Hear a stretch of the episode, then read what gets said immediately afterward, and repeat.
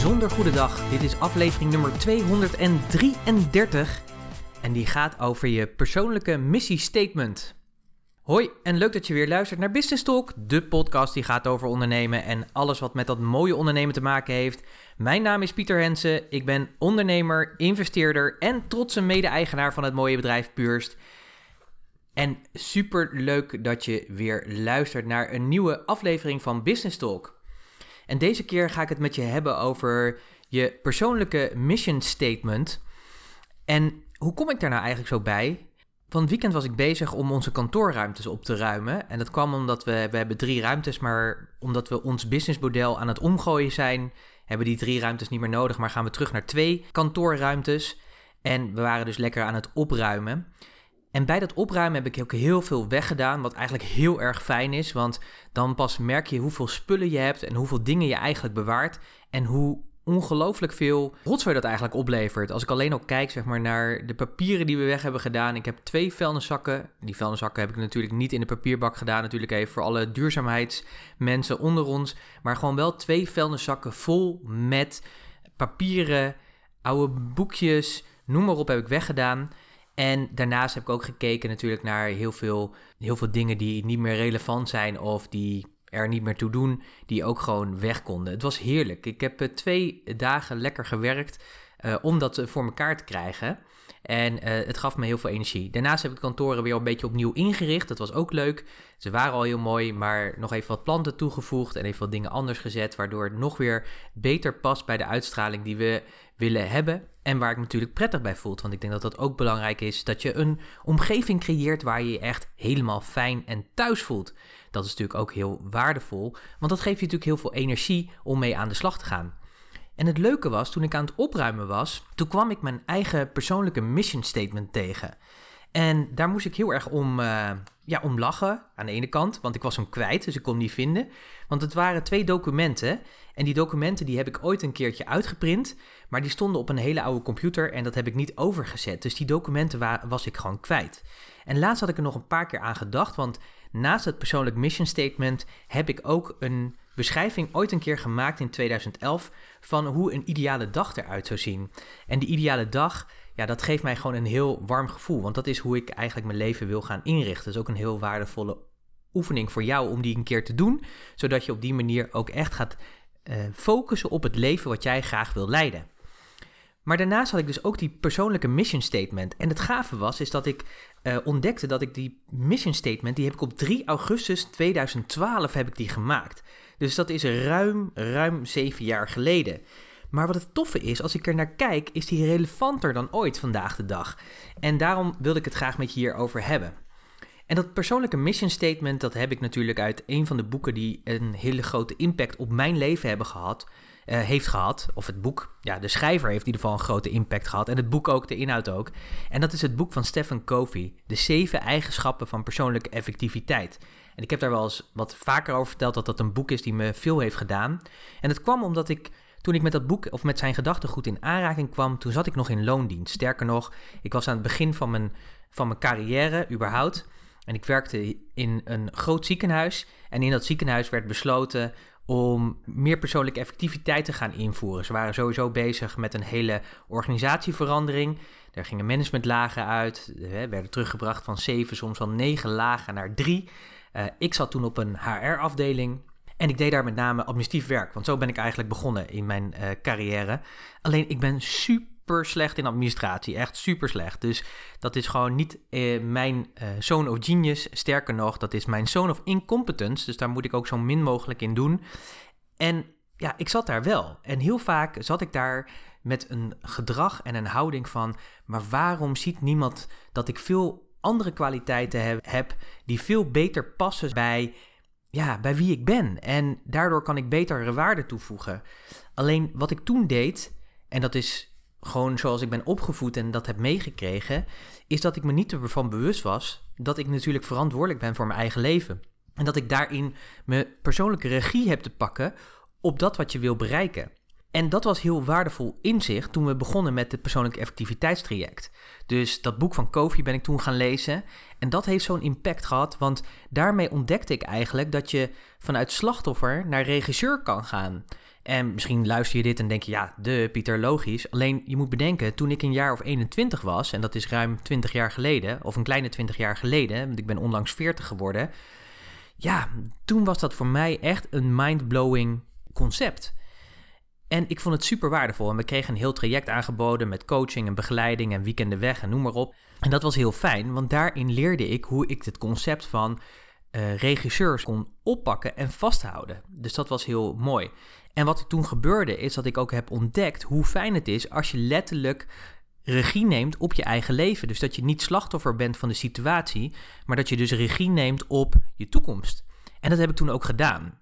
En ik weet nog wel dat er dat ik op een gegeven moment, ik wilde heel graag uit die administratieve kant. En toen ben ik gaan nadenken, hoe kan ik zo snel mogelijk uit die administratieve kant komen? En je moet weten, toen ik daar was, dat we toen een hoofdpersoneelszaken hadden, die absoluut niet wilde dat mensen die in een administratieve rol zaten, zoals ik, dat die doorstroomden naar een adviesfunctie. Zij vond dat niet kunnen, zij vond dat niet passen. En ik dacht alleen maar, ik wil heel erg graag in die adviesrol, want daar ligt mijn kracht namelijk. Daar wil ik naartoe. Dat was ook mijn doelstelling. Daar was ik ook mee bezig. En het mooie was dat toen de tijd wat ik vertelde, die organisatie die was aan het kantelen. Dus de verantwoordelijkheden werden anders. Dus waar eerst de verantwoordelijkheden bij de staf lagen, werden die in bij de lijn neergelegd. Dus dat betekende ook dat ik op een gegeven moment ook onderdeel werd van een team die aangestuurd werd door een lijnmanager. Dus door iemand die van een divisie de verantwoordelijkheid is en door een divisiemanager.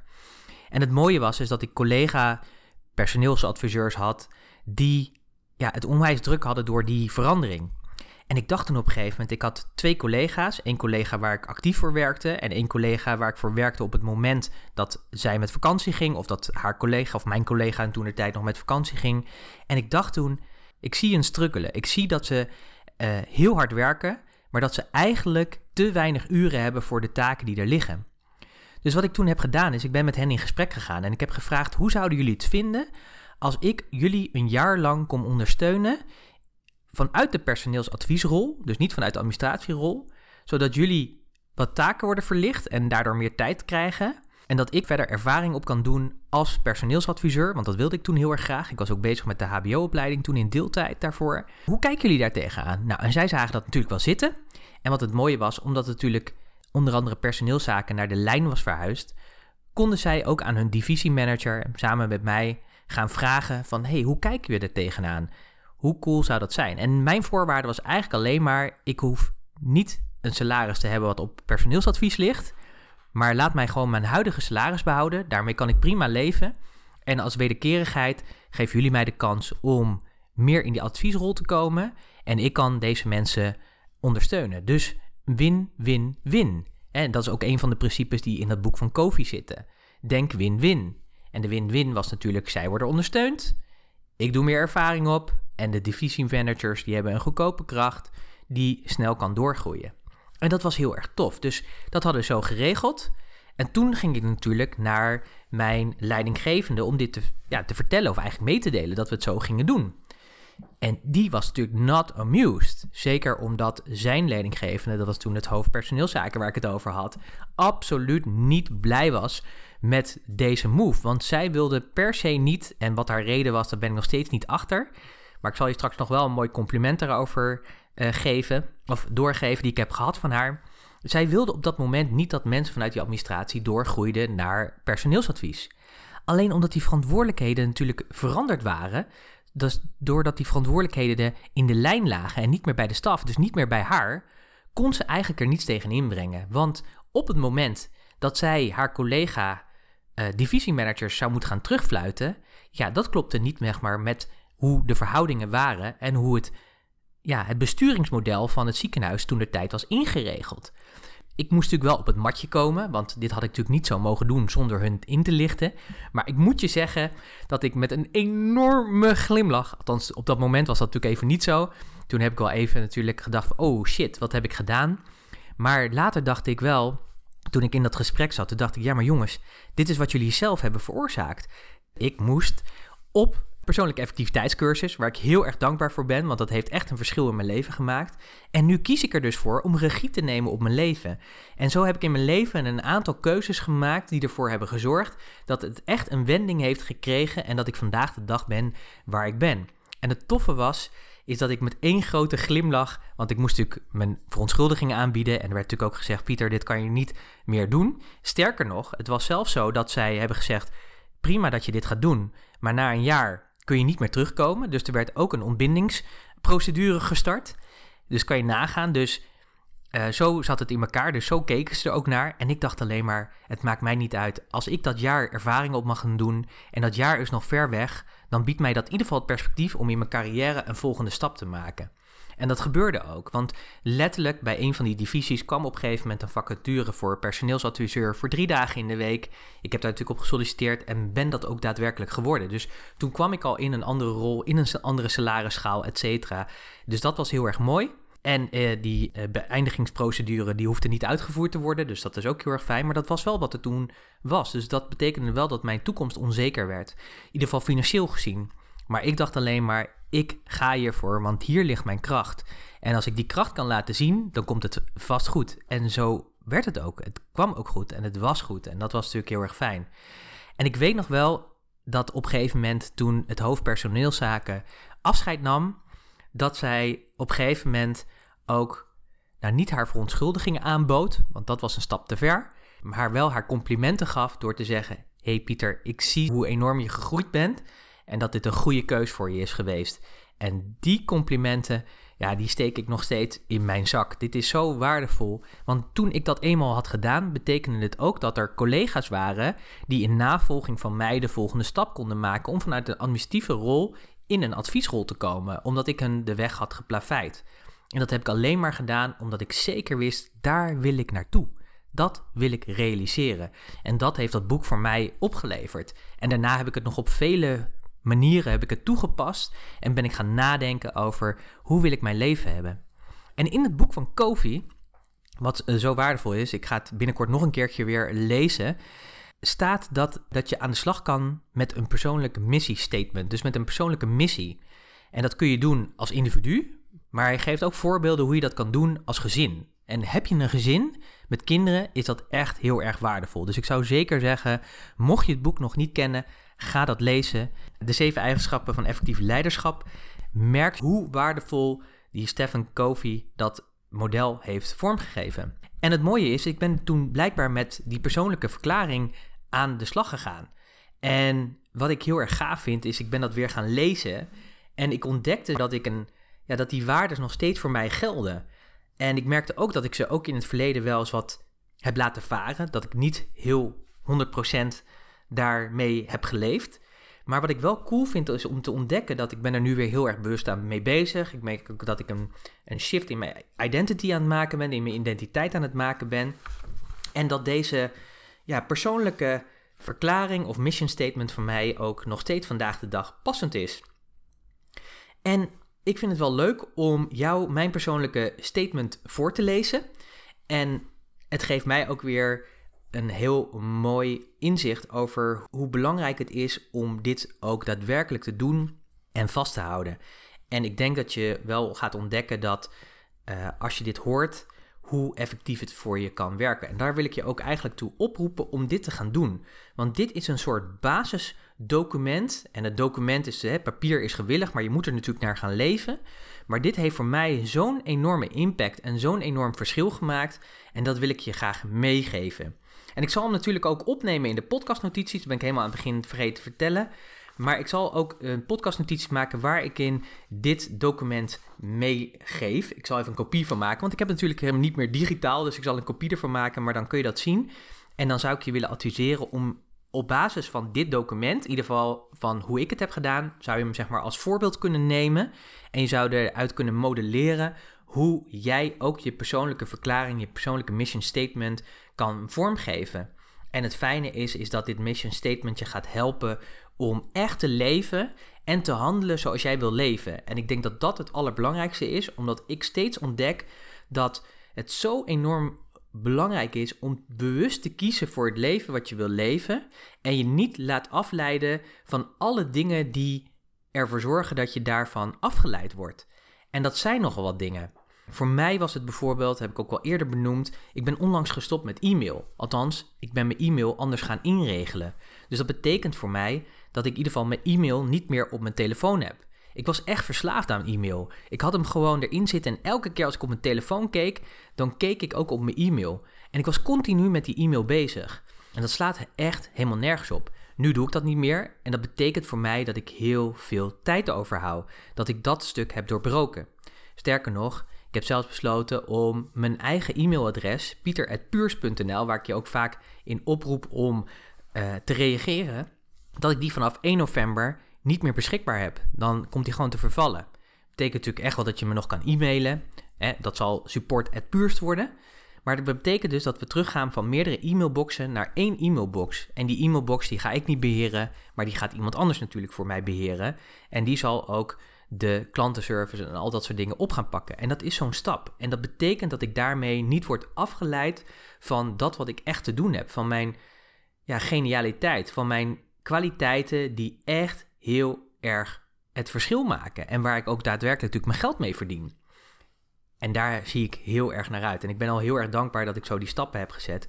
Want al, zeg maar even zo'n voorbeeld als zo'n e-mail, dat leidt mij echt af van deze persoonlijke mission statement. Nou, ik vind hem leuk om hem je voor te lezen, dus dat uh, wil ik ook gaan doen. Zodat je ook een, een beeld erbij hebt hoe dat eruit ziet. Ja, laat je inspireren zou ik zeggen. En wat ik al zei in podcast 233, dus ga naar puurs.nl slash podcast 233.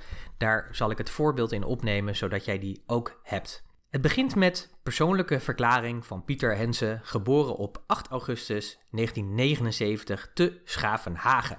Het is echt natuurlijk een formele verklaring, dus het moet ook formeel worden voorgeschreven.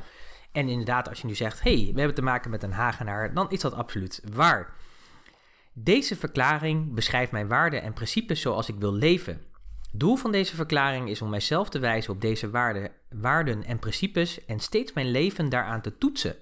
En dat is ook het mooie, even uitstapje tussendoor, dat die waarden en die principes, dat zijn ook toetsstenen. Toetsstenen om te zorgen dat je daadwerkelijk ook het leven leeft zoals je dat wilt leven. Het is een dynamisch document wat twee keer per jaar opnieuw bekeken zal worden en indien nodig aangepast. Nou ja, zoals ik al aangaf, ik vond hem weer en ik was hem natuurlijk kwijt, dus ik heb hem in zeven jaar tijd niet aangepast. Maar soms hoeft dat ook helemaal niet. Dit is natuurlijk even de basis. Ik heb een aantal uitgangspunten beschreven. En dat begint met: Het leven is kort, daarom is tijd kostbaar en is het belangrijk om die tijd bewust en wel en overwogen te benutten.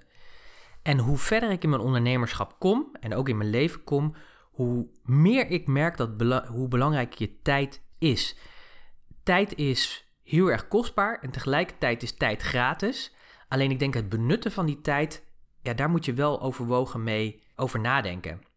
En ik ben natuurlijk geboren met een aantal talenten, met vele talenten en gaven.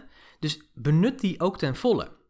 En dat is ook een van de redenen waarom ik bijvoorbeeld een kleine tatoeage op mijn arm heb aan de binnenkant met 10x. Haal tienvoudige uit je leven. Leef dus bewust. Een ander uitgangspunt is, je kunt zelf het script van je eigen leven schrijven. Doe dit ook. Doe dit ook. En dit vind ik wel mooi, want ik heb ontdekt, ook in de afgelopen periode, ook in persoonlijke situaties, veel eh, dingen overkomen. Een van de dingen is bijvoorbeeld dat bij mijn vader vasculaire dementie is vastgesteld. En dat maakt toch echt wel een impact. En ik zie hem ook minder worden. En ik heb eigenlijk ontdekt dat het leven, zeker dat je je script kan schrijven, dus dat je wel kan bepalen, zelf je leven kan bepalen en kan inrichten. Alleen het leven is niet maakbaar, heb ik ontdekt. Maar je kunt het wel beïnvloeden. En daarom is het zo belangrijk om die regie ook te hebben en te houden. En wat ik nog wel even leuk vind om te benoemen, is dat bijvoorbeeld een van de inzichten die uit mijn tijd is gekomen om door te denken over mijn vader bijvoorbeeld met zijn dementie, is dat ik heb besloten, en ik heb hem gevraagd, en we gaan dat ook doen, ik ga een documentaire maken. Dus ik heb besloten om hem, nu hij nog enigszins goed is, ik merk hè, zijn geheugen gaat achteruit, om hem te interviewen en dat op video op te nemen over een aantal thema's uit zijn leven. En waarom wil ik dat nou zo graag? Ik wil heel graag een document hebben dat op het moment dat ik een gezin krijg en mijn vader steeds verder wegzakt in zijn geheugen, waardoor hij niet meer ja, dat kan delen, dat we toch een document hebben, een monument hebben, waarop we ook kunnen laten zien, maar dit was opa, weet je, of dit is mijn vader. En zo stond hij in het leven. Dus heel erg belangrijk om dat soort dingen te doen. Althans, voor mij is dat heel erg belangrijk. En misschien word je hier ook wel door geïnspireerd. Dat script van je eigen leven en die tijd. En een ander uitgangspunt is: wees proactief. Sommige dingen kun je beïnvloeden door te kiezen hoe je in de omstandigheden van je leven wilt zijn. Sommige zaken overkomen je of zijn een voldongen feit. Lach daarom en kies ervoor om daar positief mee om te gaan. Je hebt de mogelijkheid om op, om op de omstandigheid invloed uit te oefenen. Jij hebt de mogelijkheid om je gedrag te veranderen en doe dit dus dan ook. En zo grappig, weet je, dit schreef ik op augustus, 3 augustus 2012. En ik moet je zeggen, als ik nu kijk waar ik nu sta en waar ik toen stond, toen was dit heel erg een wens van mij. En ik moet dit blijven doen. Ik moet me daarin blijven trainen, maar ik ben daar al zo heel veel meer in gegroeid. Dus dit waren de uitgangspunten. Dan zijn belangrijke toetsstenen natuurlijk je persoonlijke waarden. Ik heb vier persoonlijke waarden, of eigenlijk drie, en eentje doe ik eigenlijk automatisch. De eerste waarde heet vrijheid.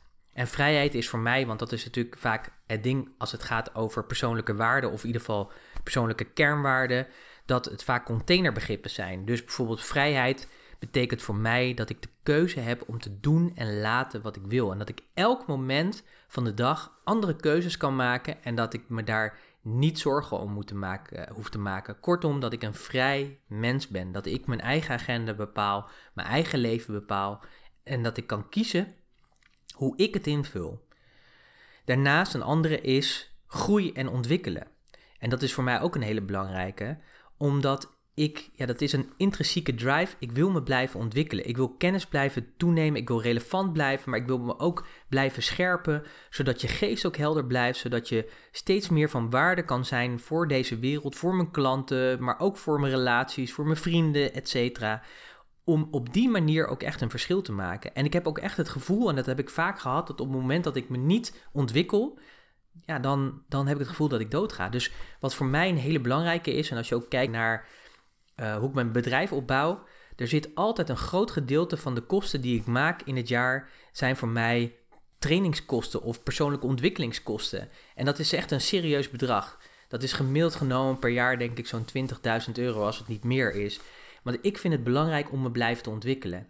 En ik merk ook dat ik steeds meer het belangrijk vind om me te blijven ontwikkelen door andere interessante ondernemers te ontmoeten en met hen te sparren en verder te komen door juist die mind te pikken van deze geniale denkers en op die manier je eigen ontwikkeling en de ontwikkeling van je bedrijf te laten groeien. En ik moet je zeggen dat dit soort dingen, dat blijf ik doen en dat zal ik ook altijd blijven doen en is een substantieel onderdeel van mijn groei als mens. Een van de voorbeelden is dat ik binnenkort weer naar Miami vertrek. Sowieso voor een vakantieperiode, maar ook om daar twee trainingen te volgen. Eentje die gaat over mindset en eentje die gaat over gewoon een mastermind, net zoals ik twee jaar geleden heb gedaan. Nu ga ik dat weer doen en ik zie daar heel erg naar uit. En dan kies ik ervoor om daarop te investeren. En een andere persoonlijke kernwaarde is verantwoordelijkheid nemen. En die verantwoordelijkheid nemen, dat is er eentje die heb ik echt moeten leren, omdat dat niet van nature een kernwaarde is die in mij zit of die bij mij past. wat ik net al zei, is dat toen, wij, toen ik met uh, die persoonlijke effectiviteit begon, toen pas heb ik ontdekt, maar dat je dus echt de regisseur van je eigen leven kan zijn. En dat je dus daarmee het verschil kan maken. En dat verantwoordelijkheid nemen, dat ben ik steeds meer mee bezig en ben ik me steeds verder in aan het ontwikkelen. En ik merk ook dat alles wat je doet en alles wat je laat, daar ben je 100% verantwoordelijk voor. Dus ik hoorde laatst iemand zeggen, een collega-ondernemer, dat een grote klant was kwijtgeraakt niet door het toedoen van hem of haar. En ik betwijfel dat dan, want ik denk namelijk dat je altijd 100% verantwoordelijk bent voor alles wat je gebeurt in je leven. Dus ook voor dit kwijtraken van deze klant is daar een effect van. En dat is een hele interessante als je daarover nadenkt, want dan dat is natuurlijk een enorme verrijking. Is best wel moeilijk, hè? Want je kan soms echt het gevoel hebben dat het buiten jezelf ligt. Maar het ligt nooit buiten jezelf. Het ligt altijd in jezelf. En het is altijd, hoort het bij je. Dus dat zijn de persoonlijke waarden. Dan de balans tussen P en PM. Eh, daar schrijft Kofi over. En P dat is natuurlijk de productie. En PM is het productiemiddel. En ik heb ook gezegd, zorg voor een goede balans tussen de P en de PM. P is productie, het leven, de relaties, je werk, je sport, etc. Misschien vrijwilligerswerk, misschien je, ben je onderdeel van een geloofsgemeenschap. Allemaal dingen die bij je productie horen. En je productie, dat ben je natuurlijk zelf, dat ben ik zelf, dat is mijn lichaam en dat is mijn geest. En om zo lang mogelijk productief te zijn, moet je productiemiddel goed onderhouden worden. En ik heb een aantal doelen geschreven die ik hier op aarde heb. is een lang en gelukkig gezinsleven met Annemieke. Nou, het toffe is, is dat ik nog steeds met Annemieke ben, zeven jaar later, dus dat is heel erg mooi. Elke dag de wereld een beetje beter maken. Dat is ook echt waar ik mee bezig ben. En elke dag werken aan de Pieter zoals ik bedoeld ben. Dat doe ik ook steeds. En daar ben ik ook steeds mee bezig. Ik heb niet, zeker in het verleden niet altijd dit gedaan. En ik heb vijf leefregels uh, gezet voor een goede dag. En dat vind ik wel heel erg grappig om die weer terug te lezen. De eerste leefregel is: laat iemand lachen. Een dag niet gelachen is een dag niet geleefd. De tweede leefregel is: leer iets nieuws in kennis, vaardigheden en of gedrag. En de derde leefregel is: zeg iets positiefs tegen iemand. Op die manier maak je natuurlijk de wereld een beetje mooier. En zorg voor dagelijkse beweging van minimaal 30 minuten. Nou, dat is nog eentje waar kan ik verder aan werken. Ik, ben, ik doe al veel, ik sport veel, maar die 30 minuten per dag echt bewust inzetten, daar moet ik nog meer mee doen. En neem voldoende rust, zowel lichamelijk als geestelijk. Ook die is een belangrijke om uh, goed aan te blijven werken. Maar dit zijn gewoon vijf leefregels die ik toen bedacht had en waar ik toch een groot deel nog steeds van uitvoer. Dus het is ook grappig om te zien dat die persoonlijke waarden, de balans tussen productie en productiemiddel en mijn uitgangspunten over hoe ik naar hoe ik wil leven, dat dat nog steeds vandaag de dag relevant is. En dan heb ik een aantal principes opgeschreven die ja, belangrijk zijn. Nou, en ook die zijn nog steeds relevant. Dus ik wil die principes, het zijn er een stuk of 23, wil ik even met je doornemen. Geld is belangrijk. Het maakt keuzes mogelijk en geeft veel vrijheid om te delen. Hanteer dagelijks mijn vijf leefregels. Je lichaam en je geest zijn je productiemiddel, dat is principe nummer drie. En heeft dus de beste zorg en onderhoud nodig, zodat je er lang mee door kan. Leefregel 4. Sur nooit, maar deal ermee. Leefregel nummer 5 of principe nummer 5. Je hebt altijd een keus hoe je reageert en omgaat met situaties. Nummer 6. Wees dankbaar voor wat je hebt. Dat is heel veel. Wees dagelijks bewust van door als je opstaat drie dingen te benoemen waarvoor je dankbaar bent. En dit is een hele waardevolle en die zou ik je ook echt mee willen geven. Doe dit eens. Als je opstaat, meteen als je wakker wordt, benoem dan drie dingen waarvoor je dankbaar bent. Nummer 7. Tijd is kostbaar. Dus kies zinvolle relaties waarin je wederzijds kunt leren en groeien in het leven door elkaar te ontmoeten. Is dat niet aanwezig? Stop met investeren in de relatie. Het is namelijk zinloos. Een moeilijke, dit kan een moeilijke zijn, maar wel een hele waardevolle. Geef feedback en wees eerlijk. Dat is nummer 8. Nummer 9. Leef met passie door dankbaarheid van je talenten, mogelijkheden die je gegeven zijn, hè, de talenten en dingen die je gegeven hebt, om die ten volle te benutten. Nummer 10. Eet en drink alleen het beste voor je productiemiddel. Beter weinig gezond en goed dan veel en slecht. Kies daarin bewust. Dit is goed voor je productiemiddel en een betere wereld. Letterlijk, op heel veel manieren. En dat is ook een boeiende. Deze heb ik een hele tijd verwaarloosd. En afgelopen jaar ben ik daar weer actief mee bezig en ik merk ook dat dat heel belangrijk is. Nummer 11. Geef om je naaste. Nummer 12. Behandel Annemieke als een prinses die dagelijks veroverd moet worden. Je liefde naar haar is onvoorwaardelijk, maar niet vanzelfsprekend. Jonge, jonge Pieter, wat een wijsheid dat in 2012 al. Verander je eigen gedrag in plaats van wachten tot anderen veranderen. Je kunt jezelf veranderen en daardoor de wereld mooier maken. Nou, ik heb je net natuurlijk uitgebreid een voorbeeld gegeven waaruit dat blijkt toen ik nog in loondienst zat. Benut je eigen talent ten volle en benut het talent van anderen ten volle. Kortom, doe vooral waar je goed in bent en schakel anderen in om hun talenten waarvoor jij niet geschikt bent. Ook een hele waardevolle. We doen zo vaak en ik denk als je een lijstje zou maken van alle dingen die je doet en blijft doen waar je niet goed in bent, waar je eigenlijk incompetent of misschien wel competent voor bent, maar waar niet je unieke gaven en talenten liggen. Het kost zo enorm veel tijd en dat is eigenlijk heel erg zonde. Je bent zelf verantwoordelijk voor je eigen geluk in je productie, in het leven. Dus je bent zelf verantwoordelijk voor je eigen geluk. En ik denk dat dat ook een hele belangrijke is. Dat is dat, we, dat je streeft naar geluk. Ik denk dat geluk je heel erg gaat helpen om een goed leven te leiden. Liefde is de overtreffende trap van leven, dat is nummer 16. Houd van haar, omarm haar, ook haar donkere kanten. Nummer 17, houden van is een werkwoord. Kortom, werk eraan. En dat is denk ik ook een belangrijke. En dat is ook eentje die ik echt heb geleerd in mijn relatie met Annemieke dat het, ja, dat het houden van echt een werkwoord is. Nummer 18. Ga in alles wat je doet altijd voor het beste. Neem niet met minder genoegen. Dus ga niet voor die middelmatigheid. Dat is de reden om die 10x op mijn arm te tatoeëren en me daar dagelijks bewust van te zijn. Neem voldoende rust, zowel lichamelijk als geestelijk. Kortom, neem de voldoende slaap en mediteer. En dat is ook een belangrijke. Ik merk steeds meer hoe belangrijk het is om rust te nemen, om te mediteren, om stil te staan bij de dingen die je doet en echt je lichaam en je geest op één lijn te brengen met elkaar. Nummer 20. Beweeg dagelijks, zodat je lichaam in beweging blijft en voldoende conditie heeft om het productiemiddel te zijn en zo lang mogelijk het te kunnen volhouden. Vanzelfsprekendheid, maar wel hard voor werken natuurlijk. 21. Zorg voor een gezond gewicht. Hoe gezonder je gewicht en gezondere leefstijl, hoe langer je kan genieten van je productiemiddel. Dus dat is ook een belangrijke. En daar ben ik me echt het laatste jaar heel erg van bewust. En vandaag de dag heel actief mee bezig. Nummer 22. Zoek een hobby. Dat geeft uitdagen en een stukje wat voor jou is. En dat is denk ik ook een belangrijke. Zeker als ondernemer zijnde. We zijn vaak zo enorm druk bezig met alle dingen die we te doen hebben. En daardoor is er vaak niet echt tijd om iets ernaast te doen. Wat ontspanning geeft, maar wat je ook op een andere manier uitdaagt. Ik heb een tijdje mandarijn proberen te leren. Ik ben daar ook weer mee gestopt, omdat het echt wel een hele uitdaging is. Maar het gaf me wel een enorme uitdaging en het triggerde het allemaal uh, dingen die, ja, die je doet zeg maar, op het moment dat je een nieuwe taal leert. Dus uh, uh, doe dat. En de laatste, wees en kies bewust in alles wat je doet. En ik schrijf daaronder: Ik zal hier dagelijks naar streven om volgens deze waarden en principes in deze verklaring te leven. Opgemaakt op 3 augustus 2012. Ondertekend door Pieter Hensen.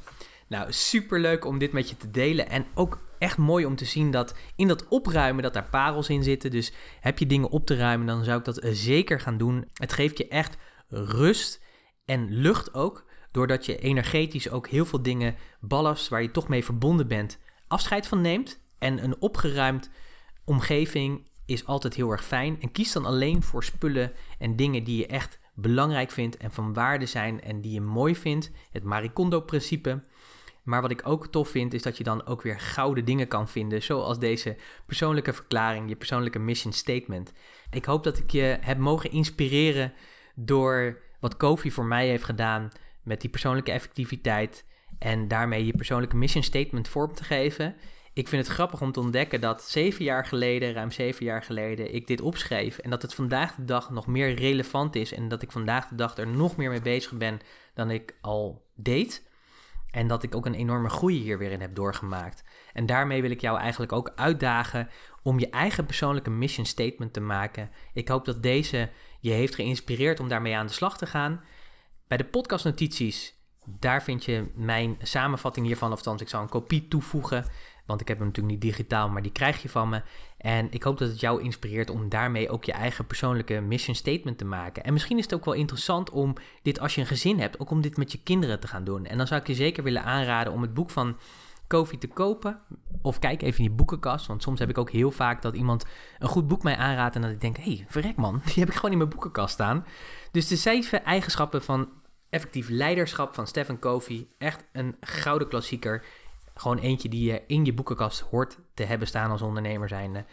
En dan wil ik je eigenlijk daarmee aan het werk zetten om dit te gaan doen en daar ook volgens te gaan leven. En wat ik te weinig heb gedaan, maar wat ik zeker nu meer ga doen, is dit ook twee keer per jaar zeker te evalueren en te kijken of er nog op details, want dat zie ik ook, nog dingen aangescherpt moeten worden of misschien wat bijgezet moet worden, omdat dat relevant voor me is. Super dankjewel dat je weer geluisterd hebt naar deze podcast. Ik ben heel erg benieuwd hoe jouw persoonlijke mission statement eruit komt te zien. Als je het leuk vindt om dat te delen, dan van harte uitgenodigd. Of laat in ieder geval eventjes weten op de kanalen waar deze podcast verschijnt. Wat jij uit deze podcast hebt gehaald. En als je het leuk vindt om je persoonlijke verklaring op te sturen. Om mij te laten zien wat je ermee hebt gedaan. Dan mag dat natuurlijk ook. Dan kun je me natuurlijk een mail sturen. Niet meer naar pieter.puurs, maar naar support.puurs.nl. Dan krijg ik die te zien. En dan zal ik daar zeker op reageren. Vind ik hartstikke leuk. Dus Mocht je andere ondernemers kennen waarvan je weet, oh, dit is ook een waardevolle podcast voor hen, zodat zij ook met een persoonlijke mission statement aan de gang gaan en daardoor een groter verschil gaan maken in hun bedrijf, in hun leven, in deze wereld, dan alsjeblieft wijzen op deze podcast. Ehm, de podcast die verschijnt op allerlei kanalen. We zitten natuurlijk op Spotify, dus als je dat leuk vindt, abonneer je daar dan. Uh, heb je liever iTunes omdat je een iPhone hebt, dan zitten we daar natuurlijk ook. Business Talk is het kanaal, abonneer je daarop. En als je het leuk vindt bij iTunes, kun je daar ook een uh, referentie uh, schrijven of een recensie schrijven. En geef natuurlijk vier of vijf sterren. Want hoe meer we die krijgen, hoe beter we zichtbaar zijn. En we kunnen dan met elkaar ook weer andere ondernemers helpen om deze, dit kanaal te vinden. En hen ook weer te inspireren. Met onder andere bijvoorbeeld het opstellen van een persoonlijke mission statement. Nogmaals, dank voor het luisteren. Ik ben heel erg benieuwd hoe jouw mission statement eruit komt te zien. Ik wens je nog een hele mooie dag en spreek je graag weer snel bij een nieuwe aflevering van Business Talk. Hoi!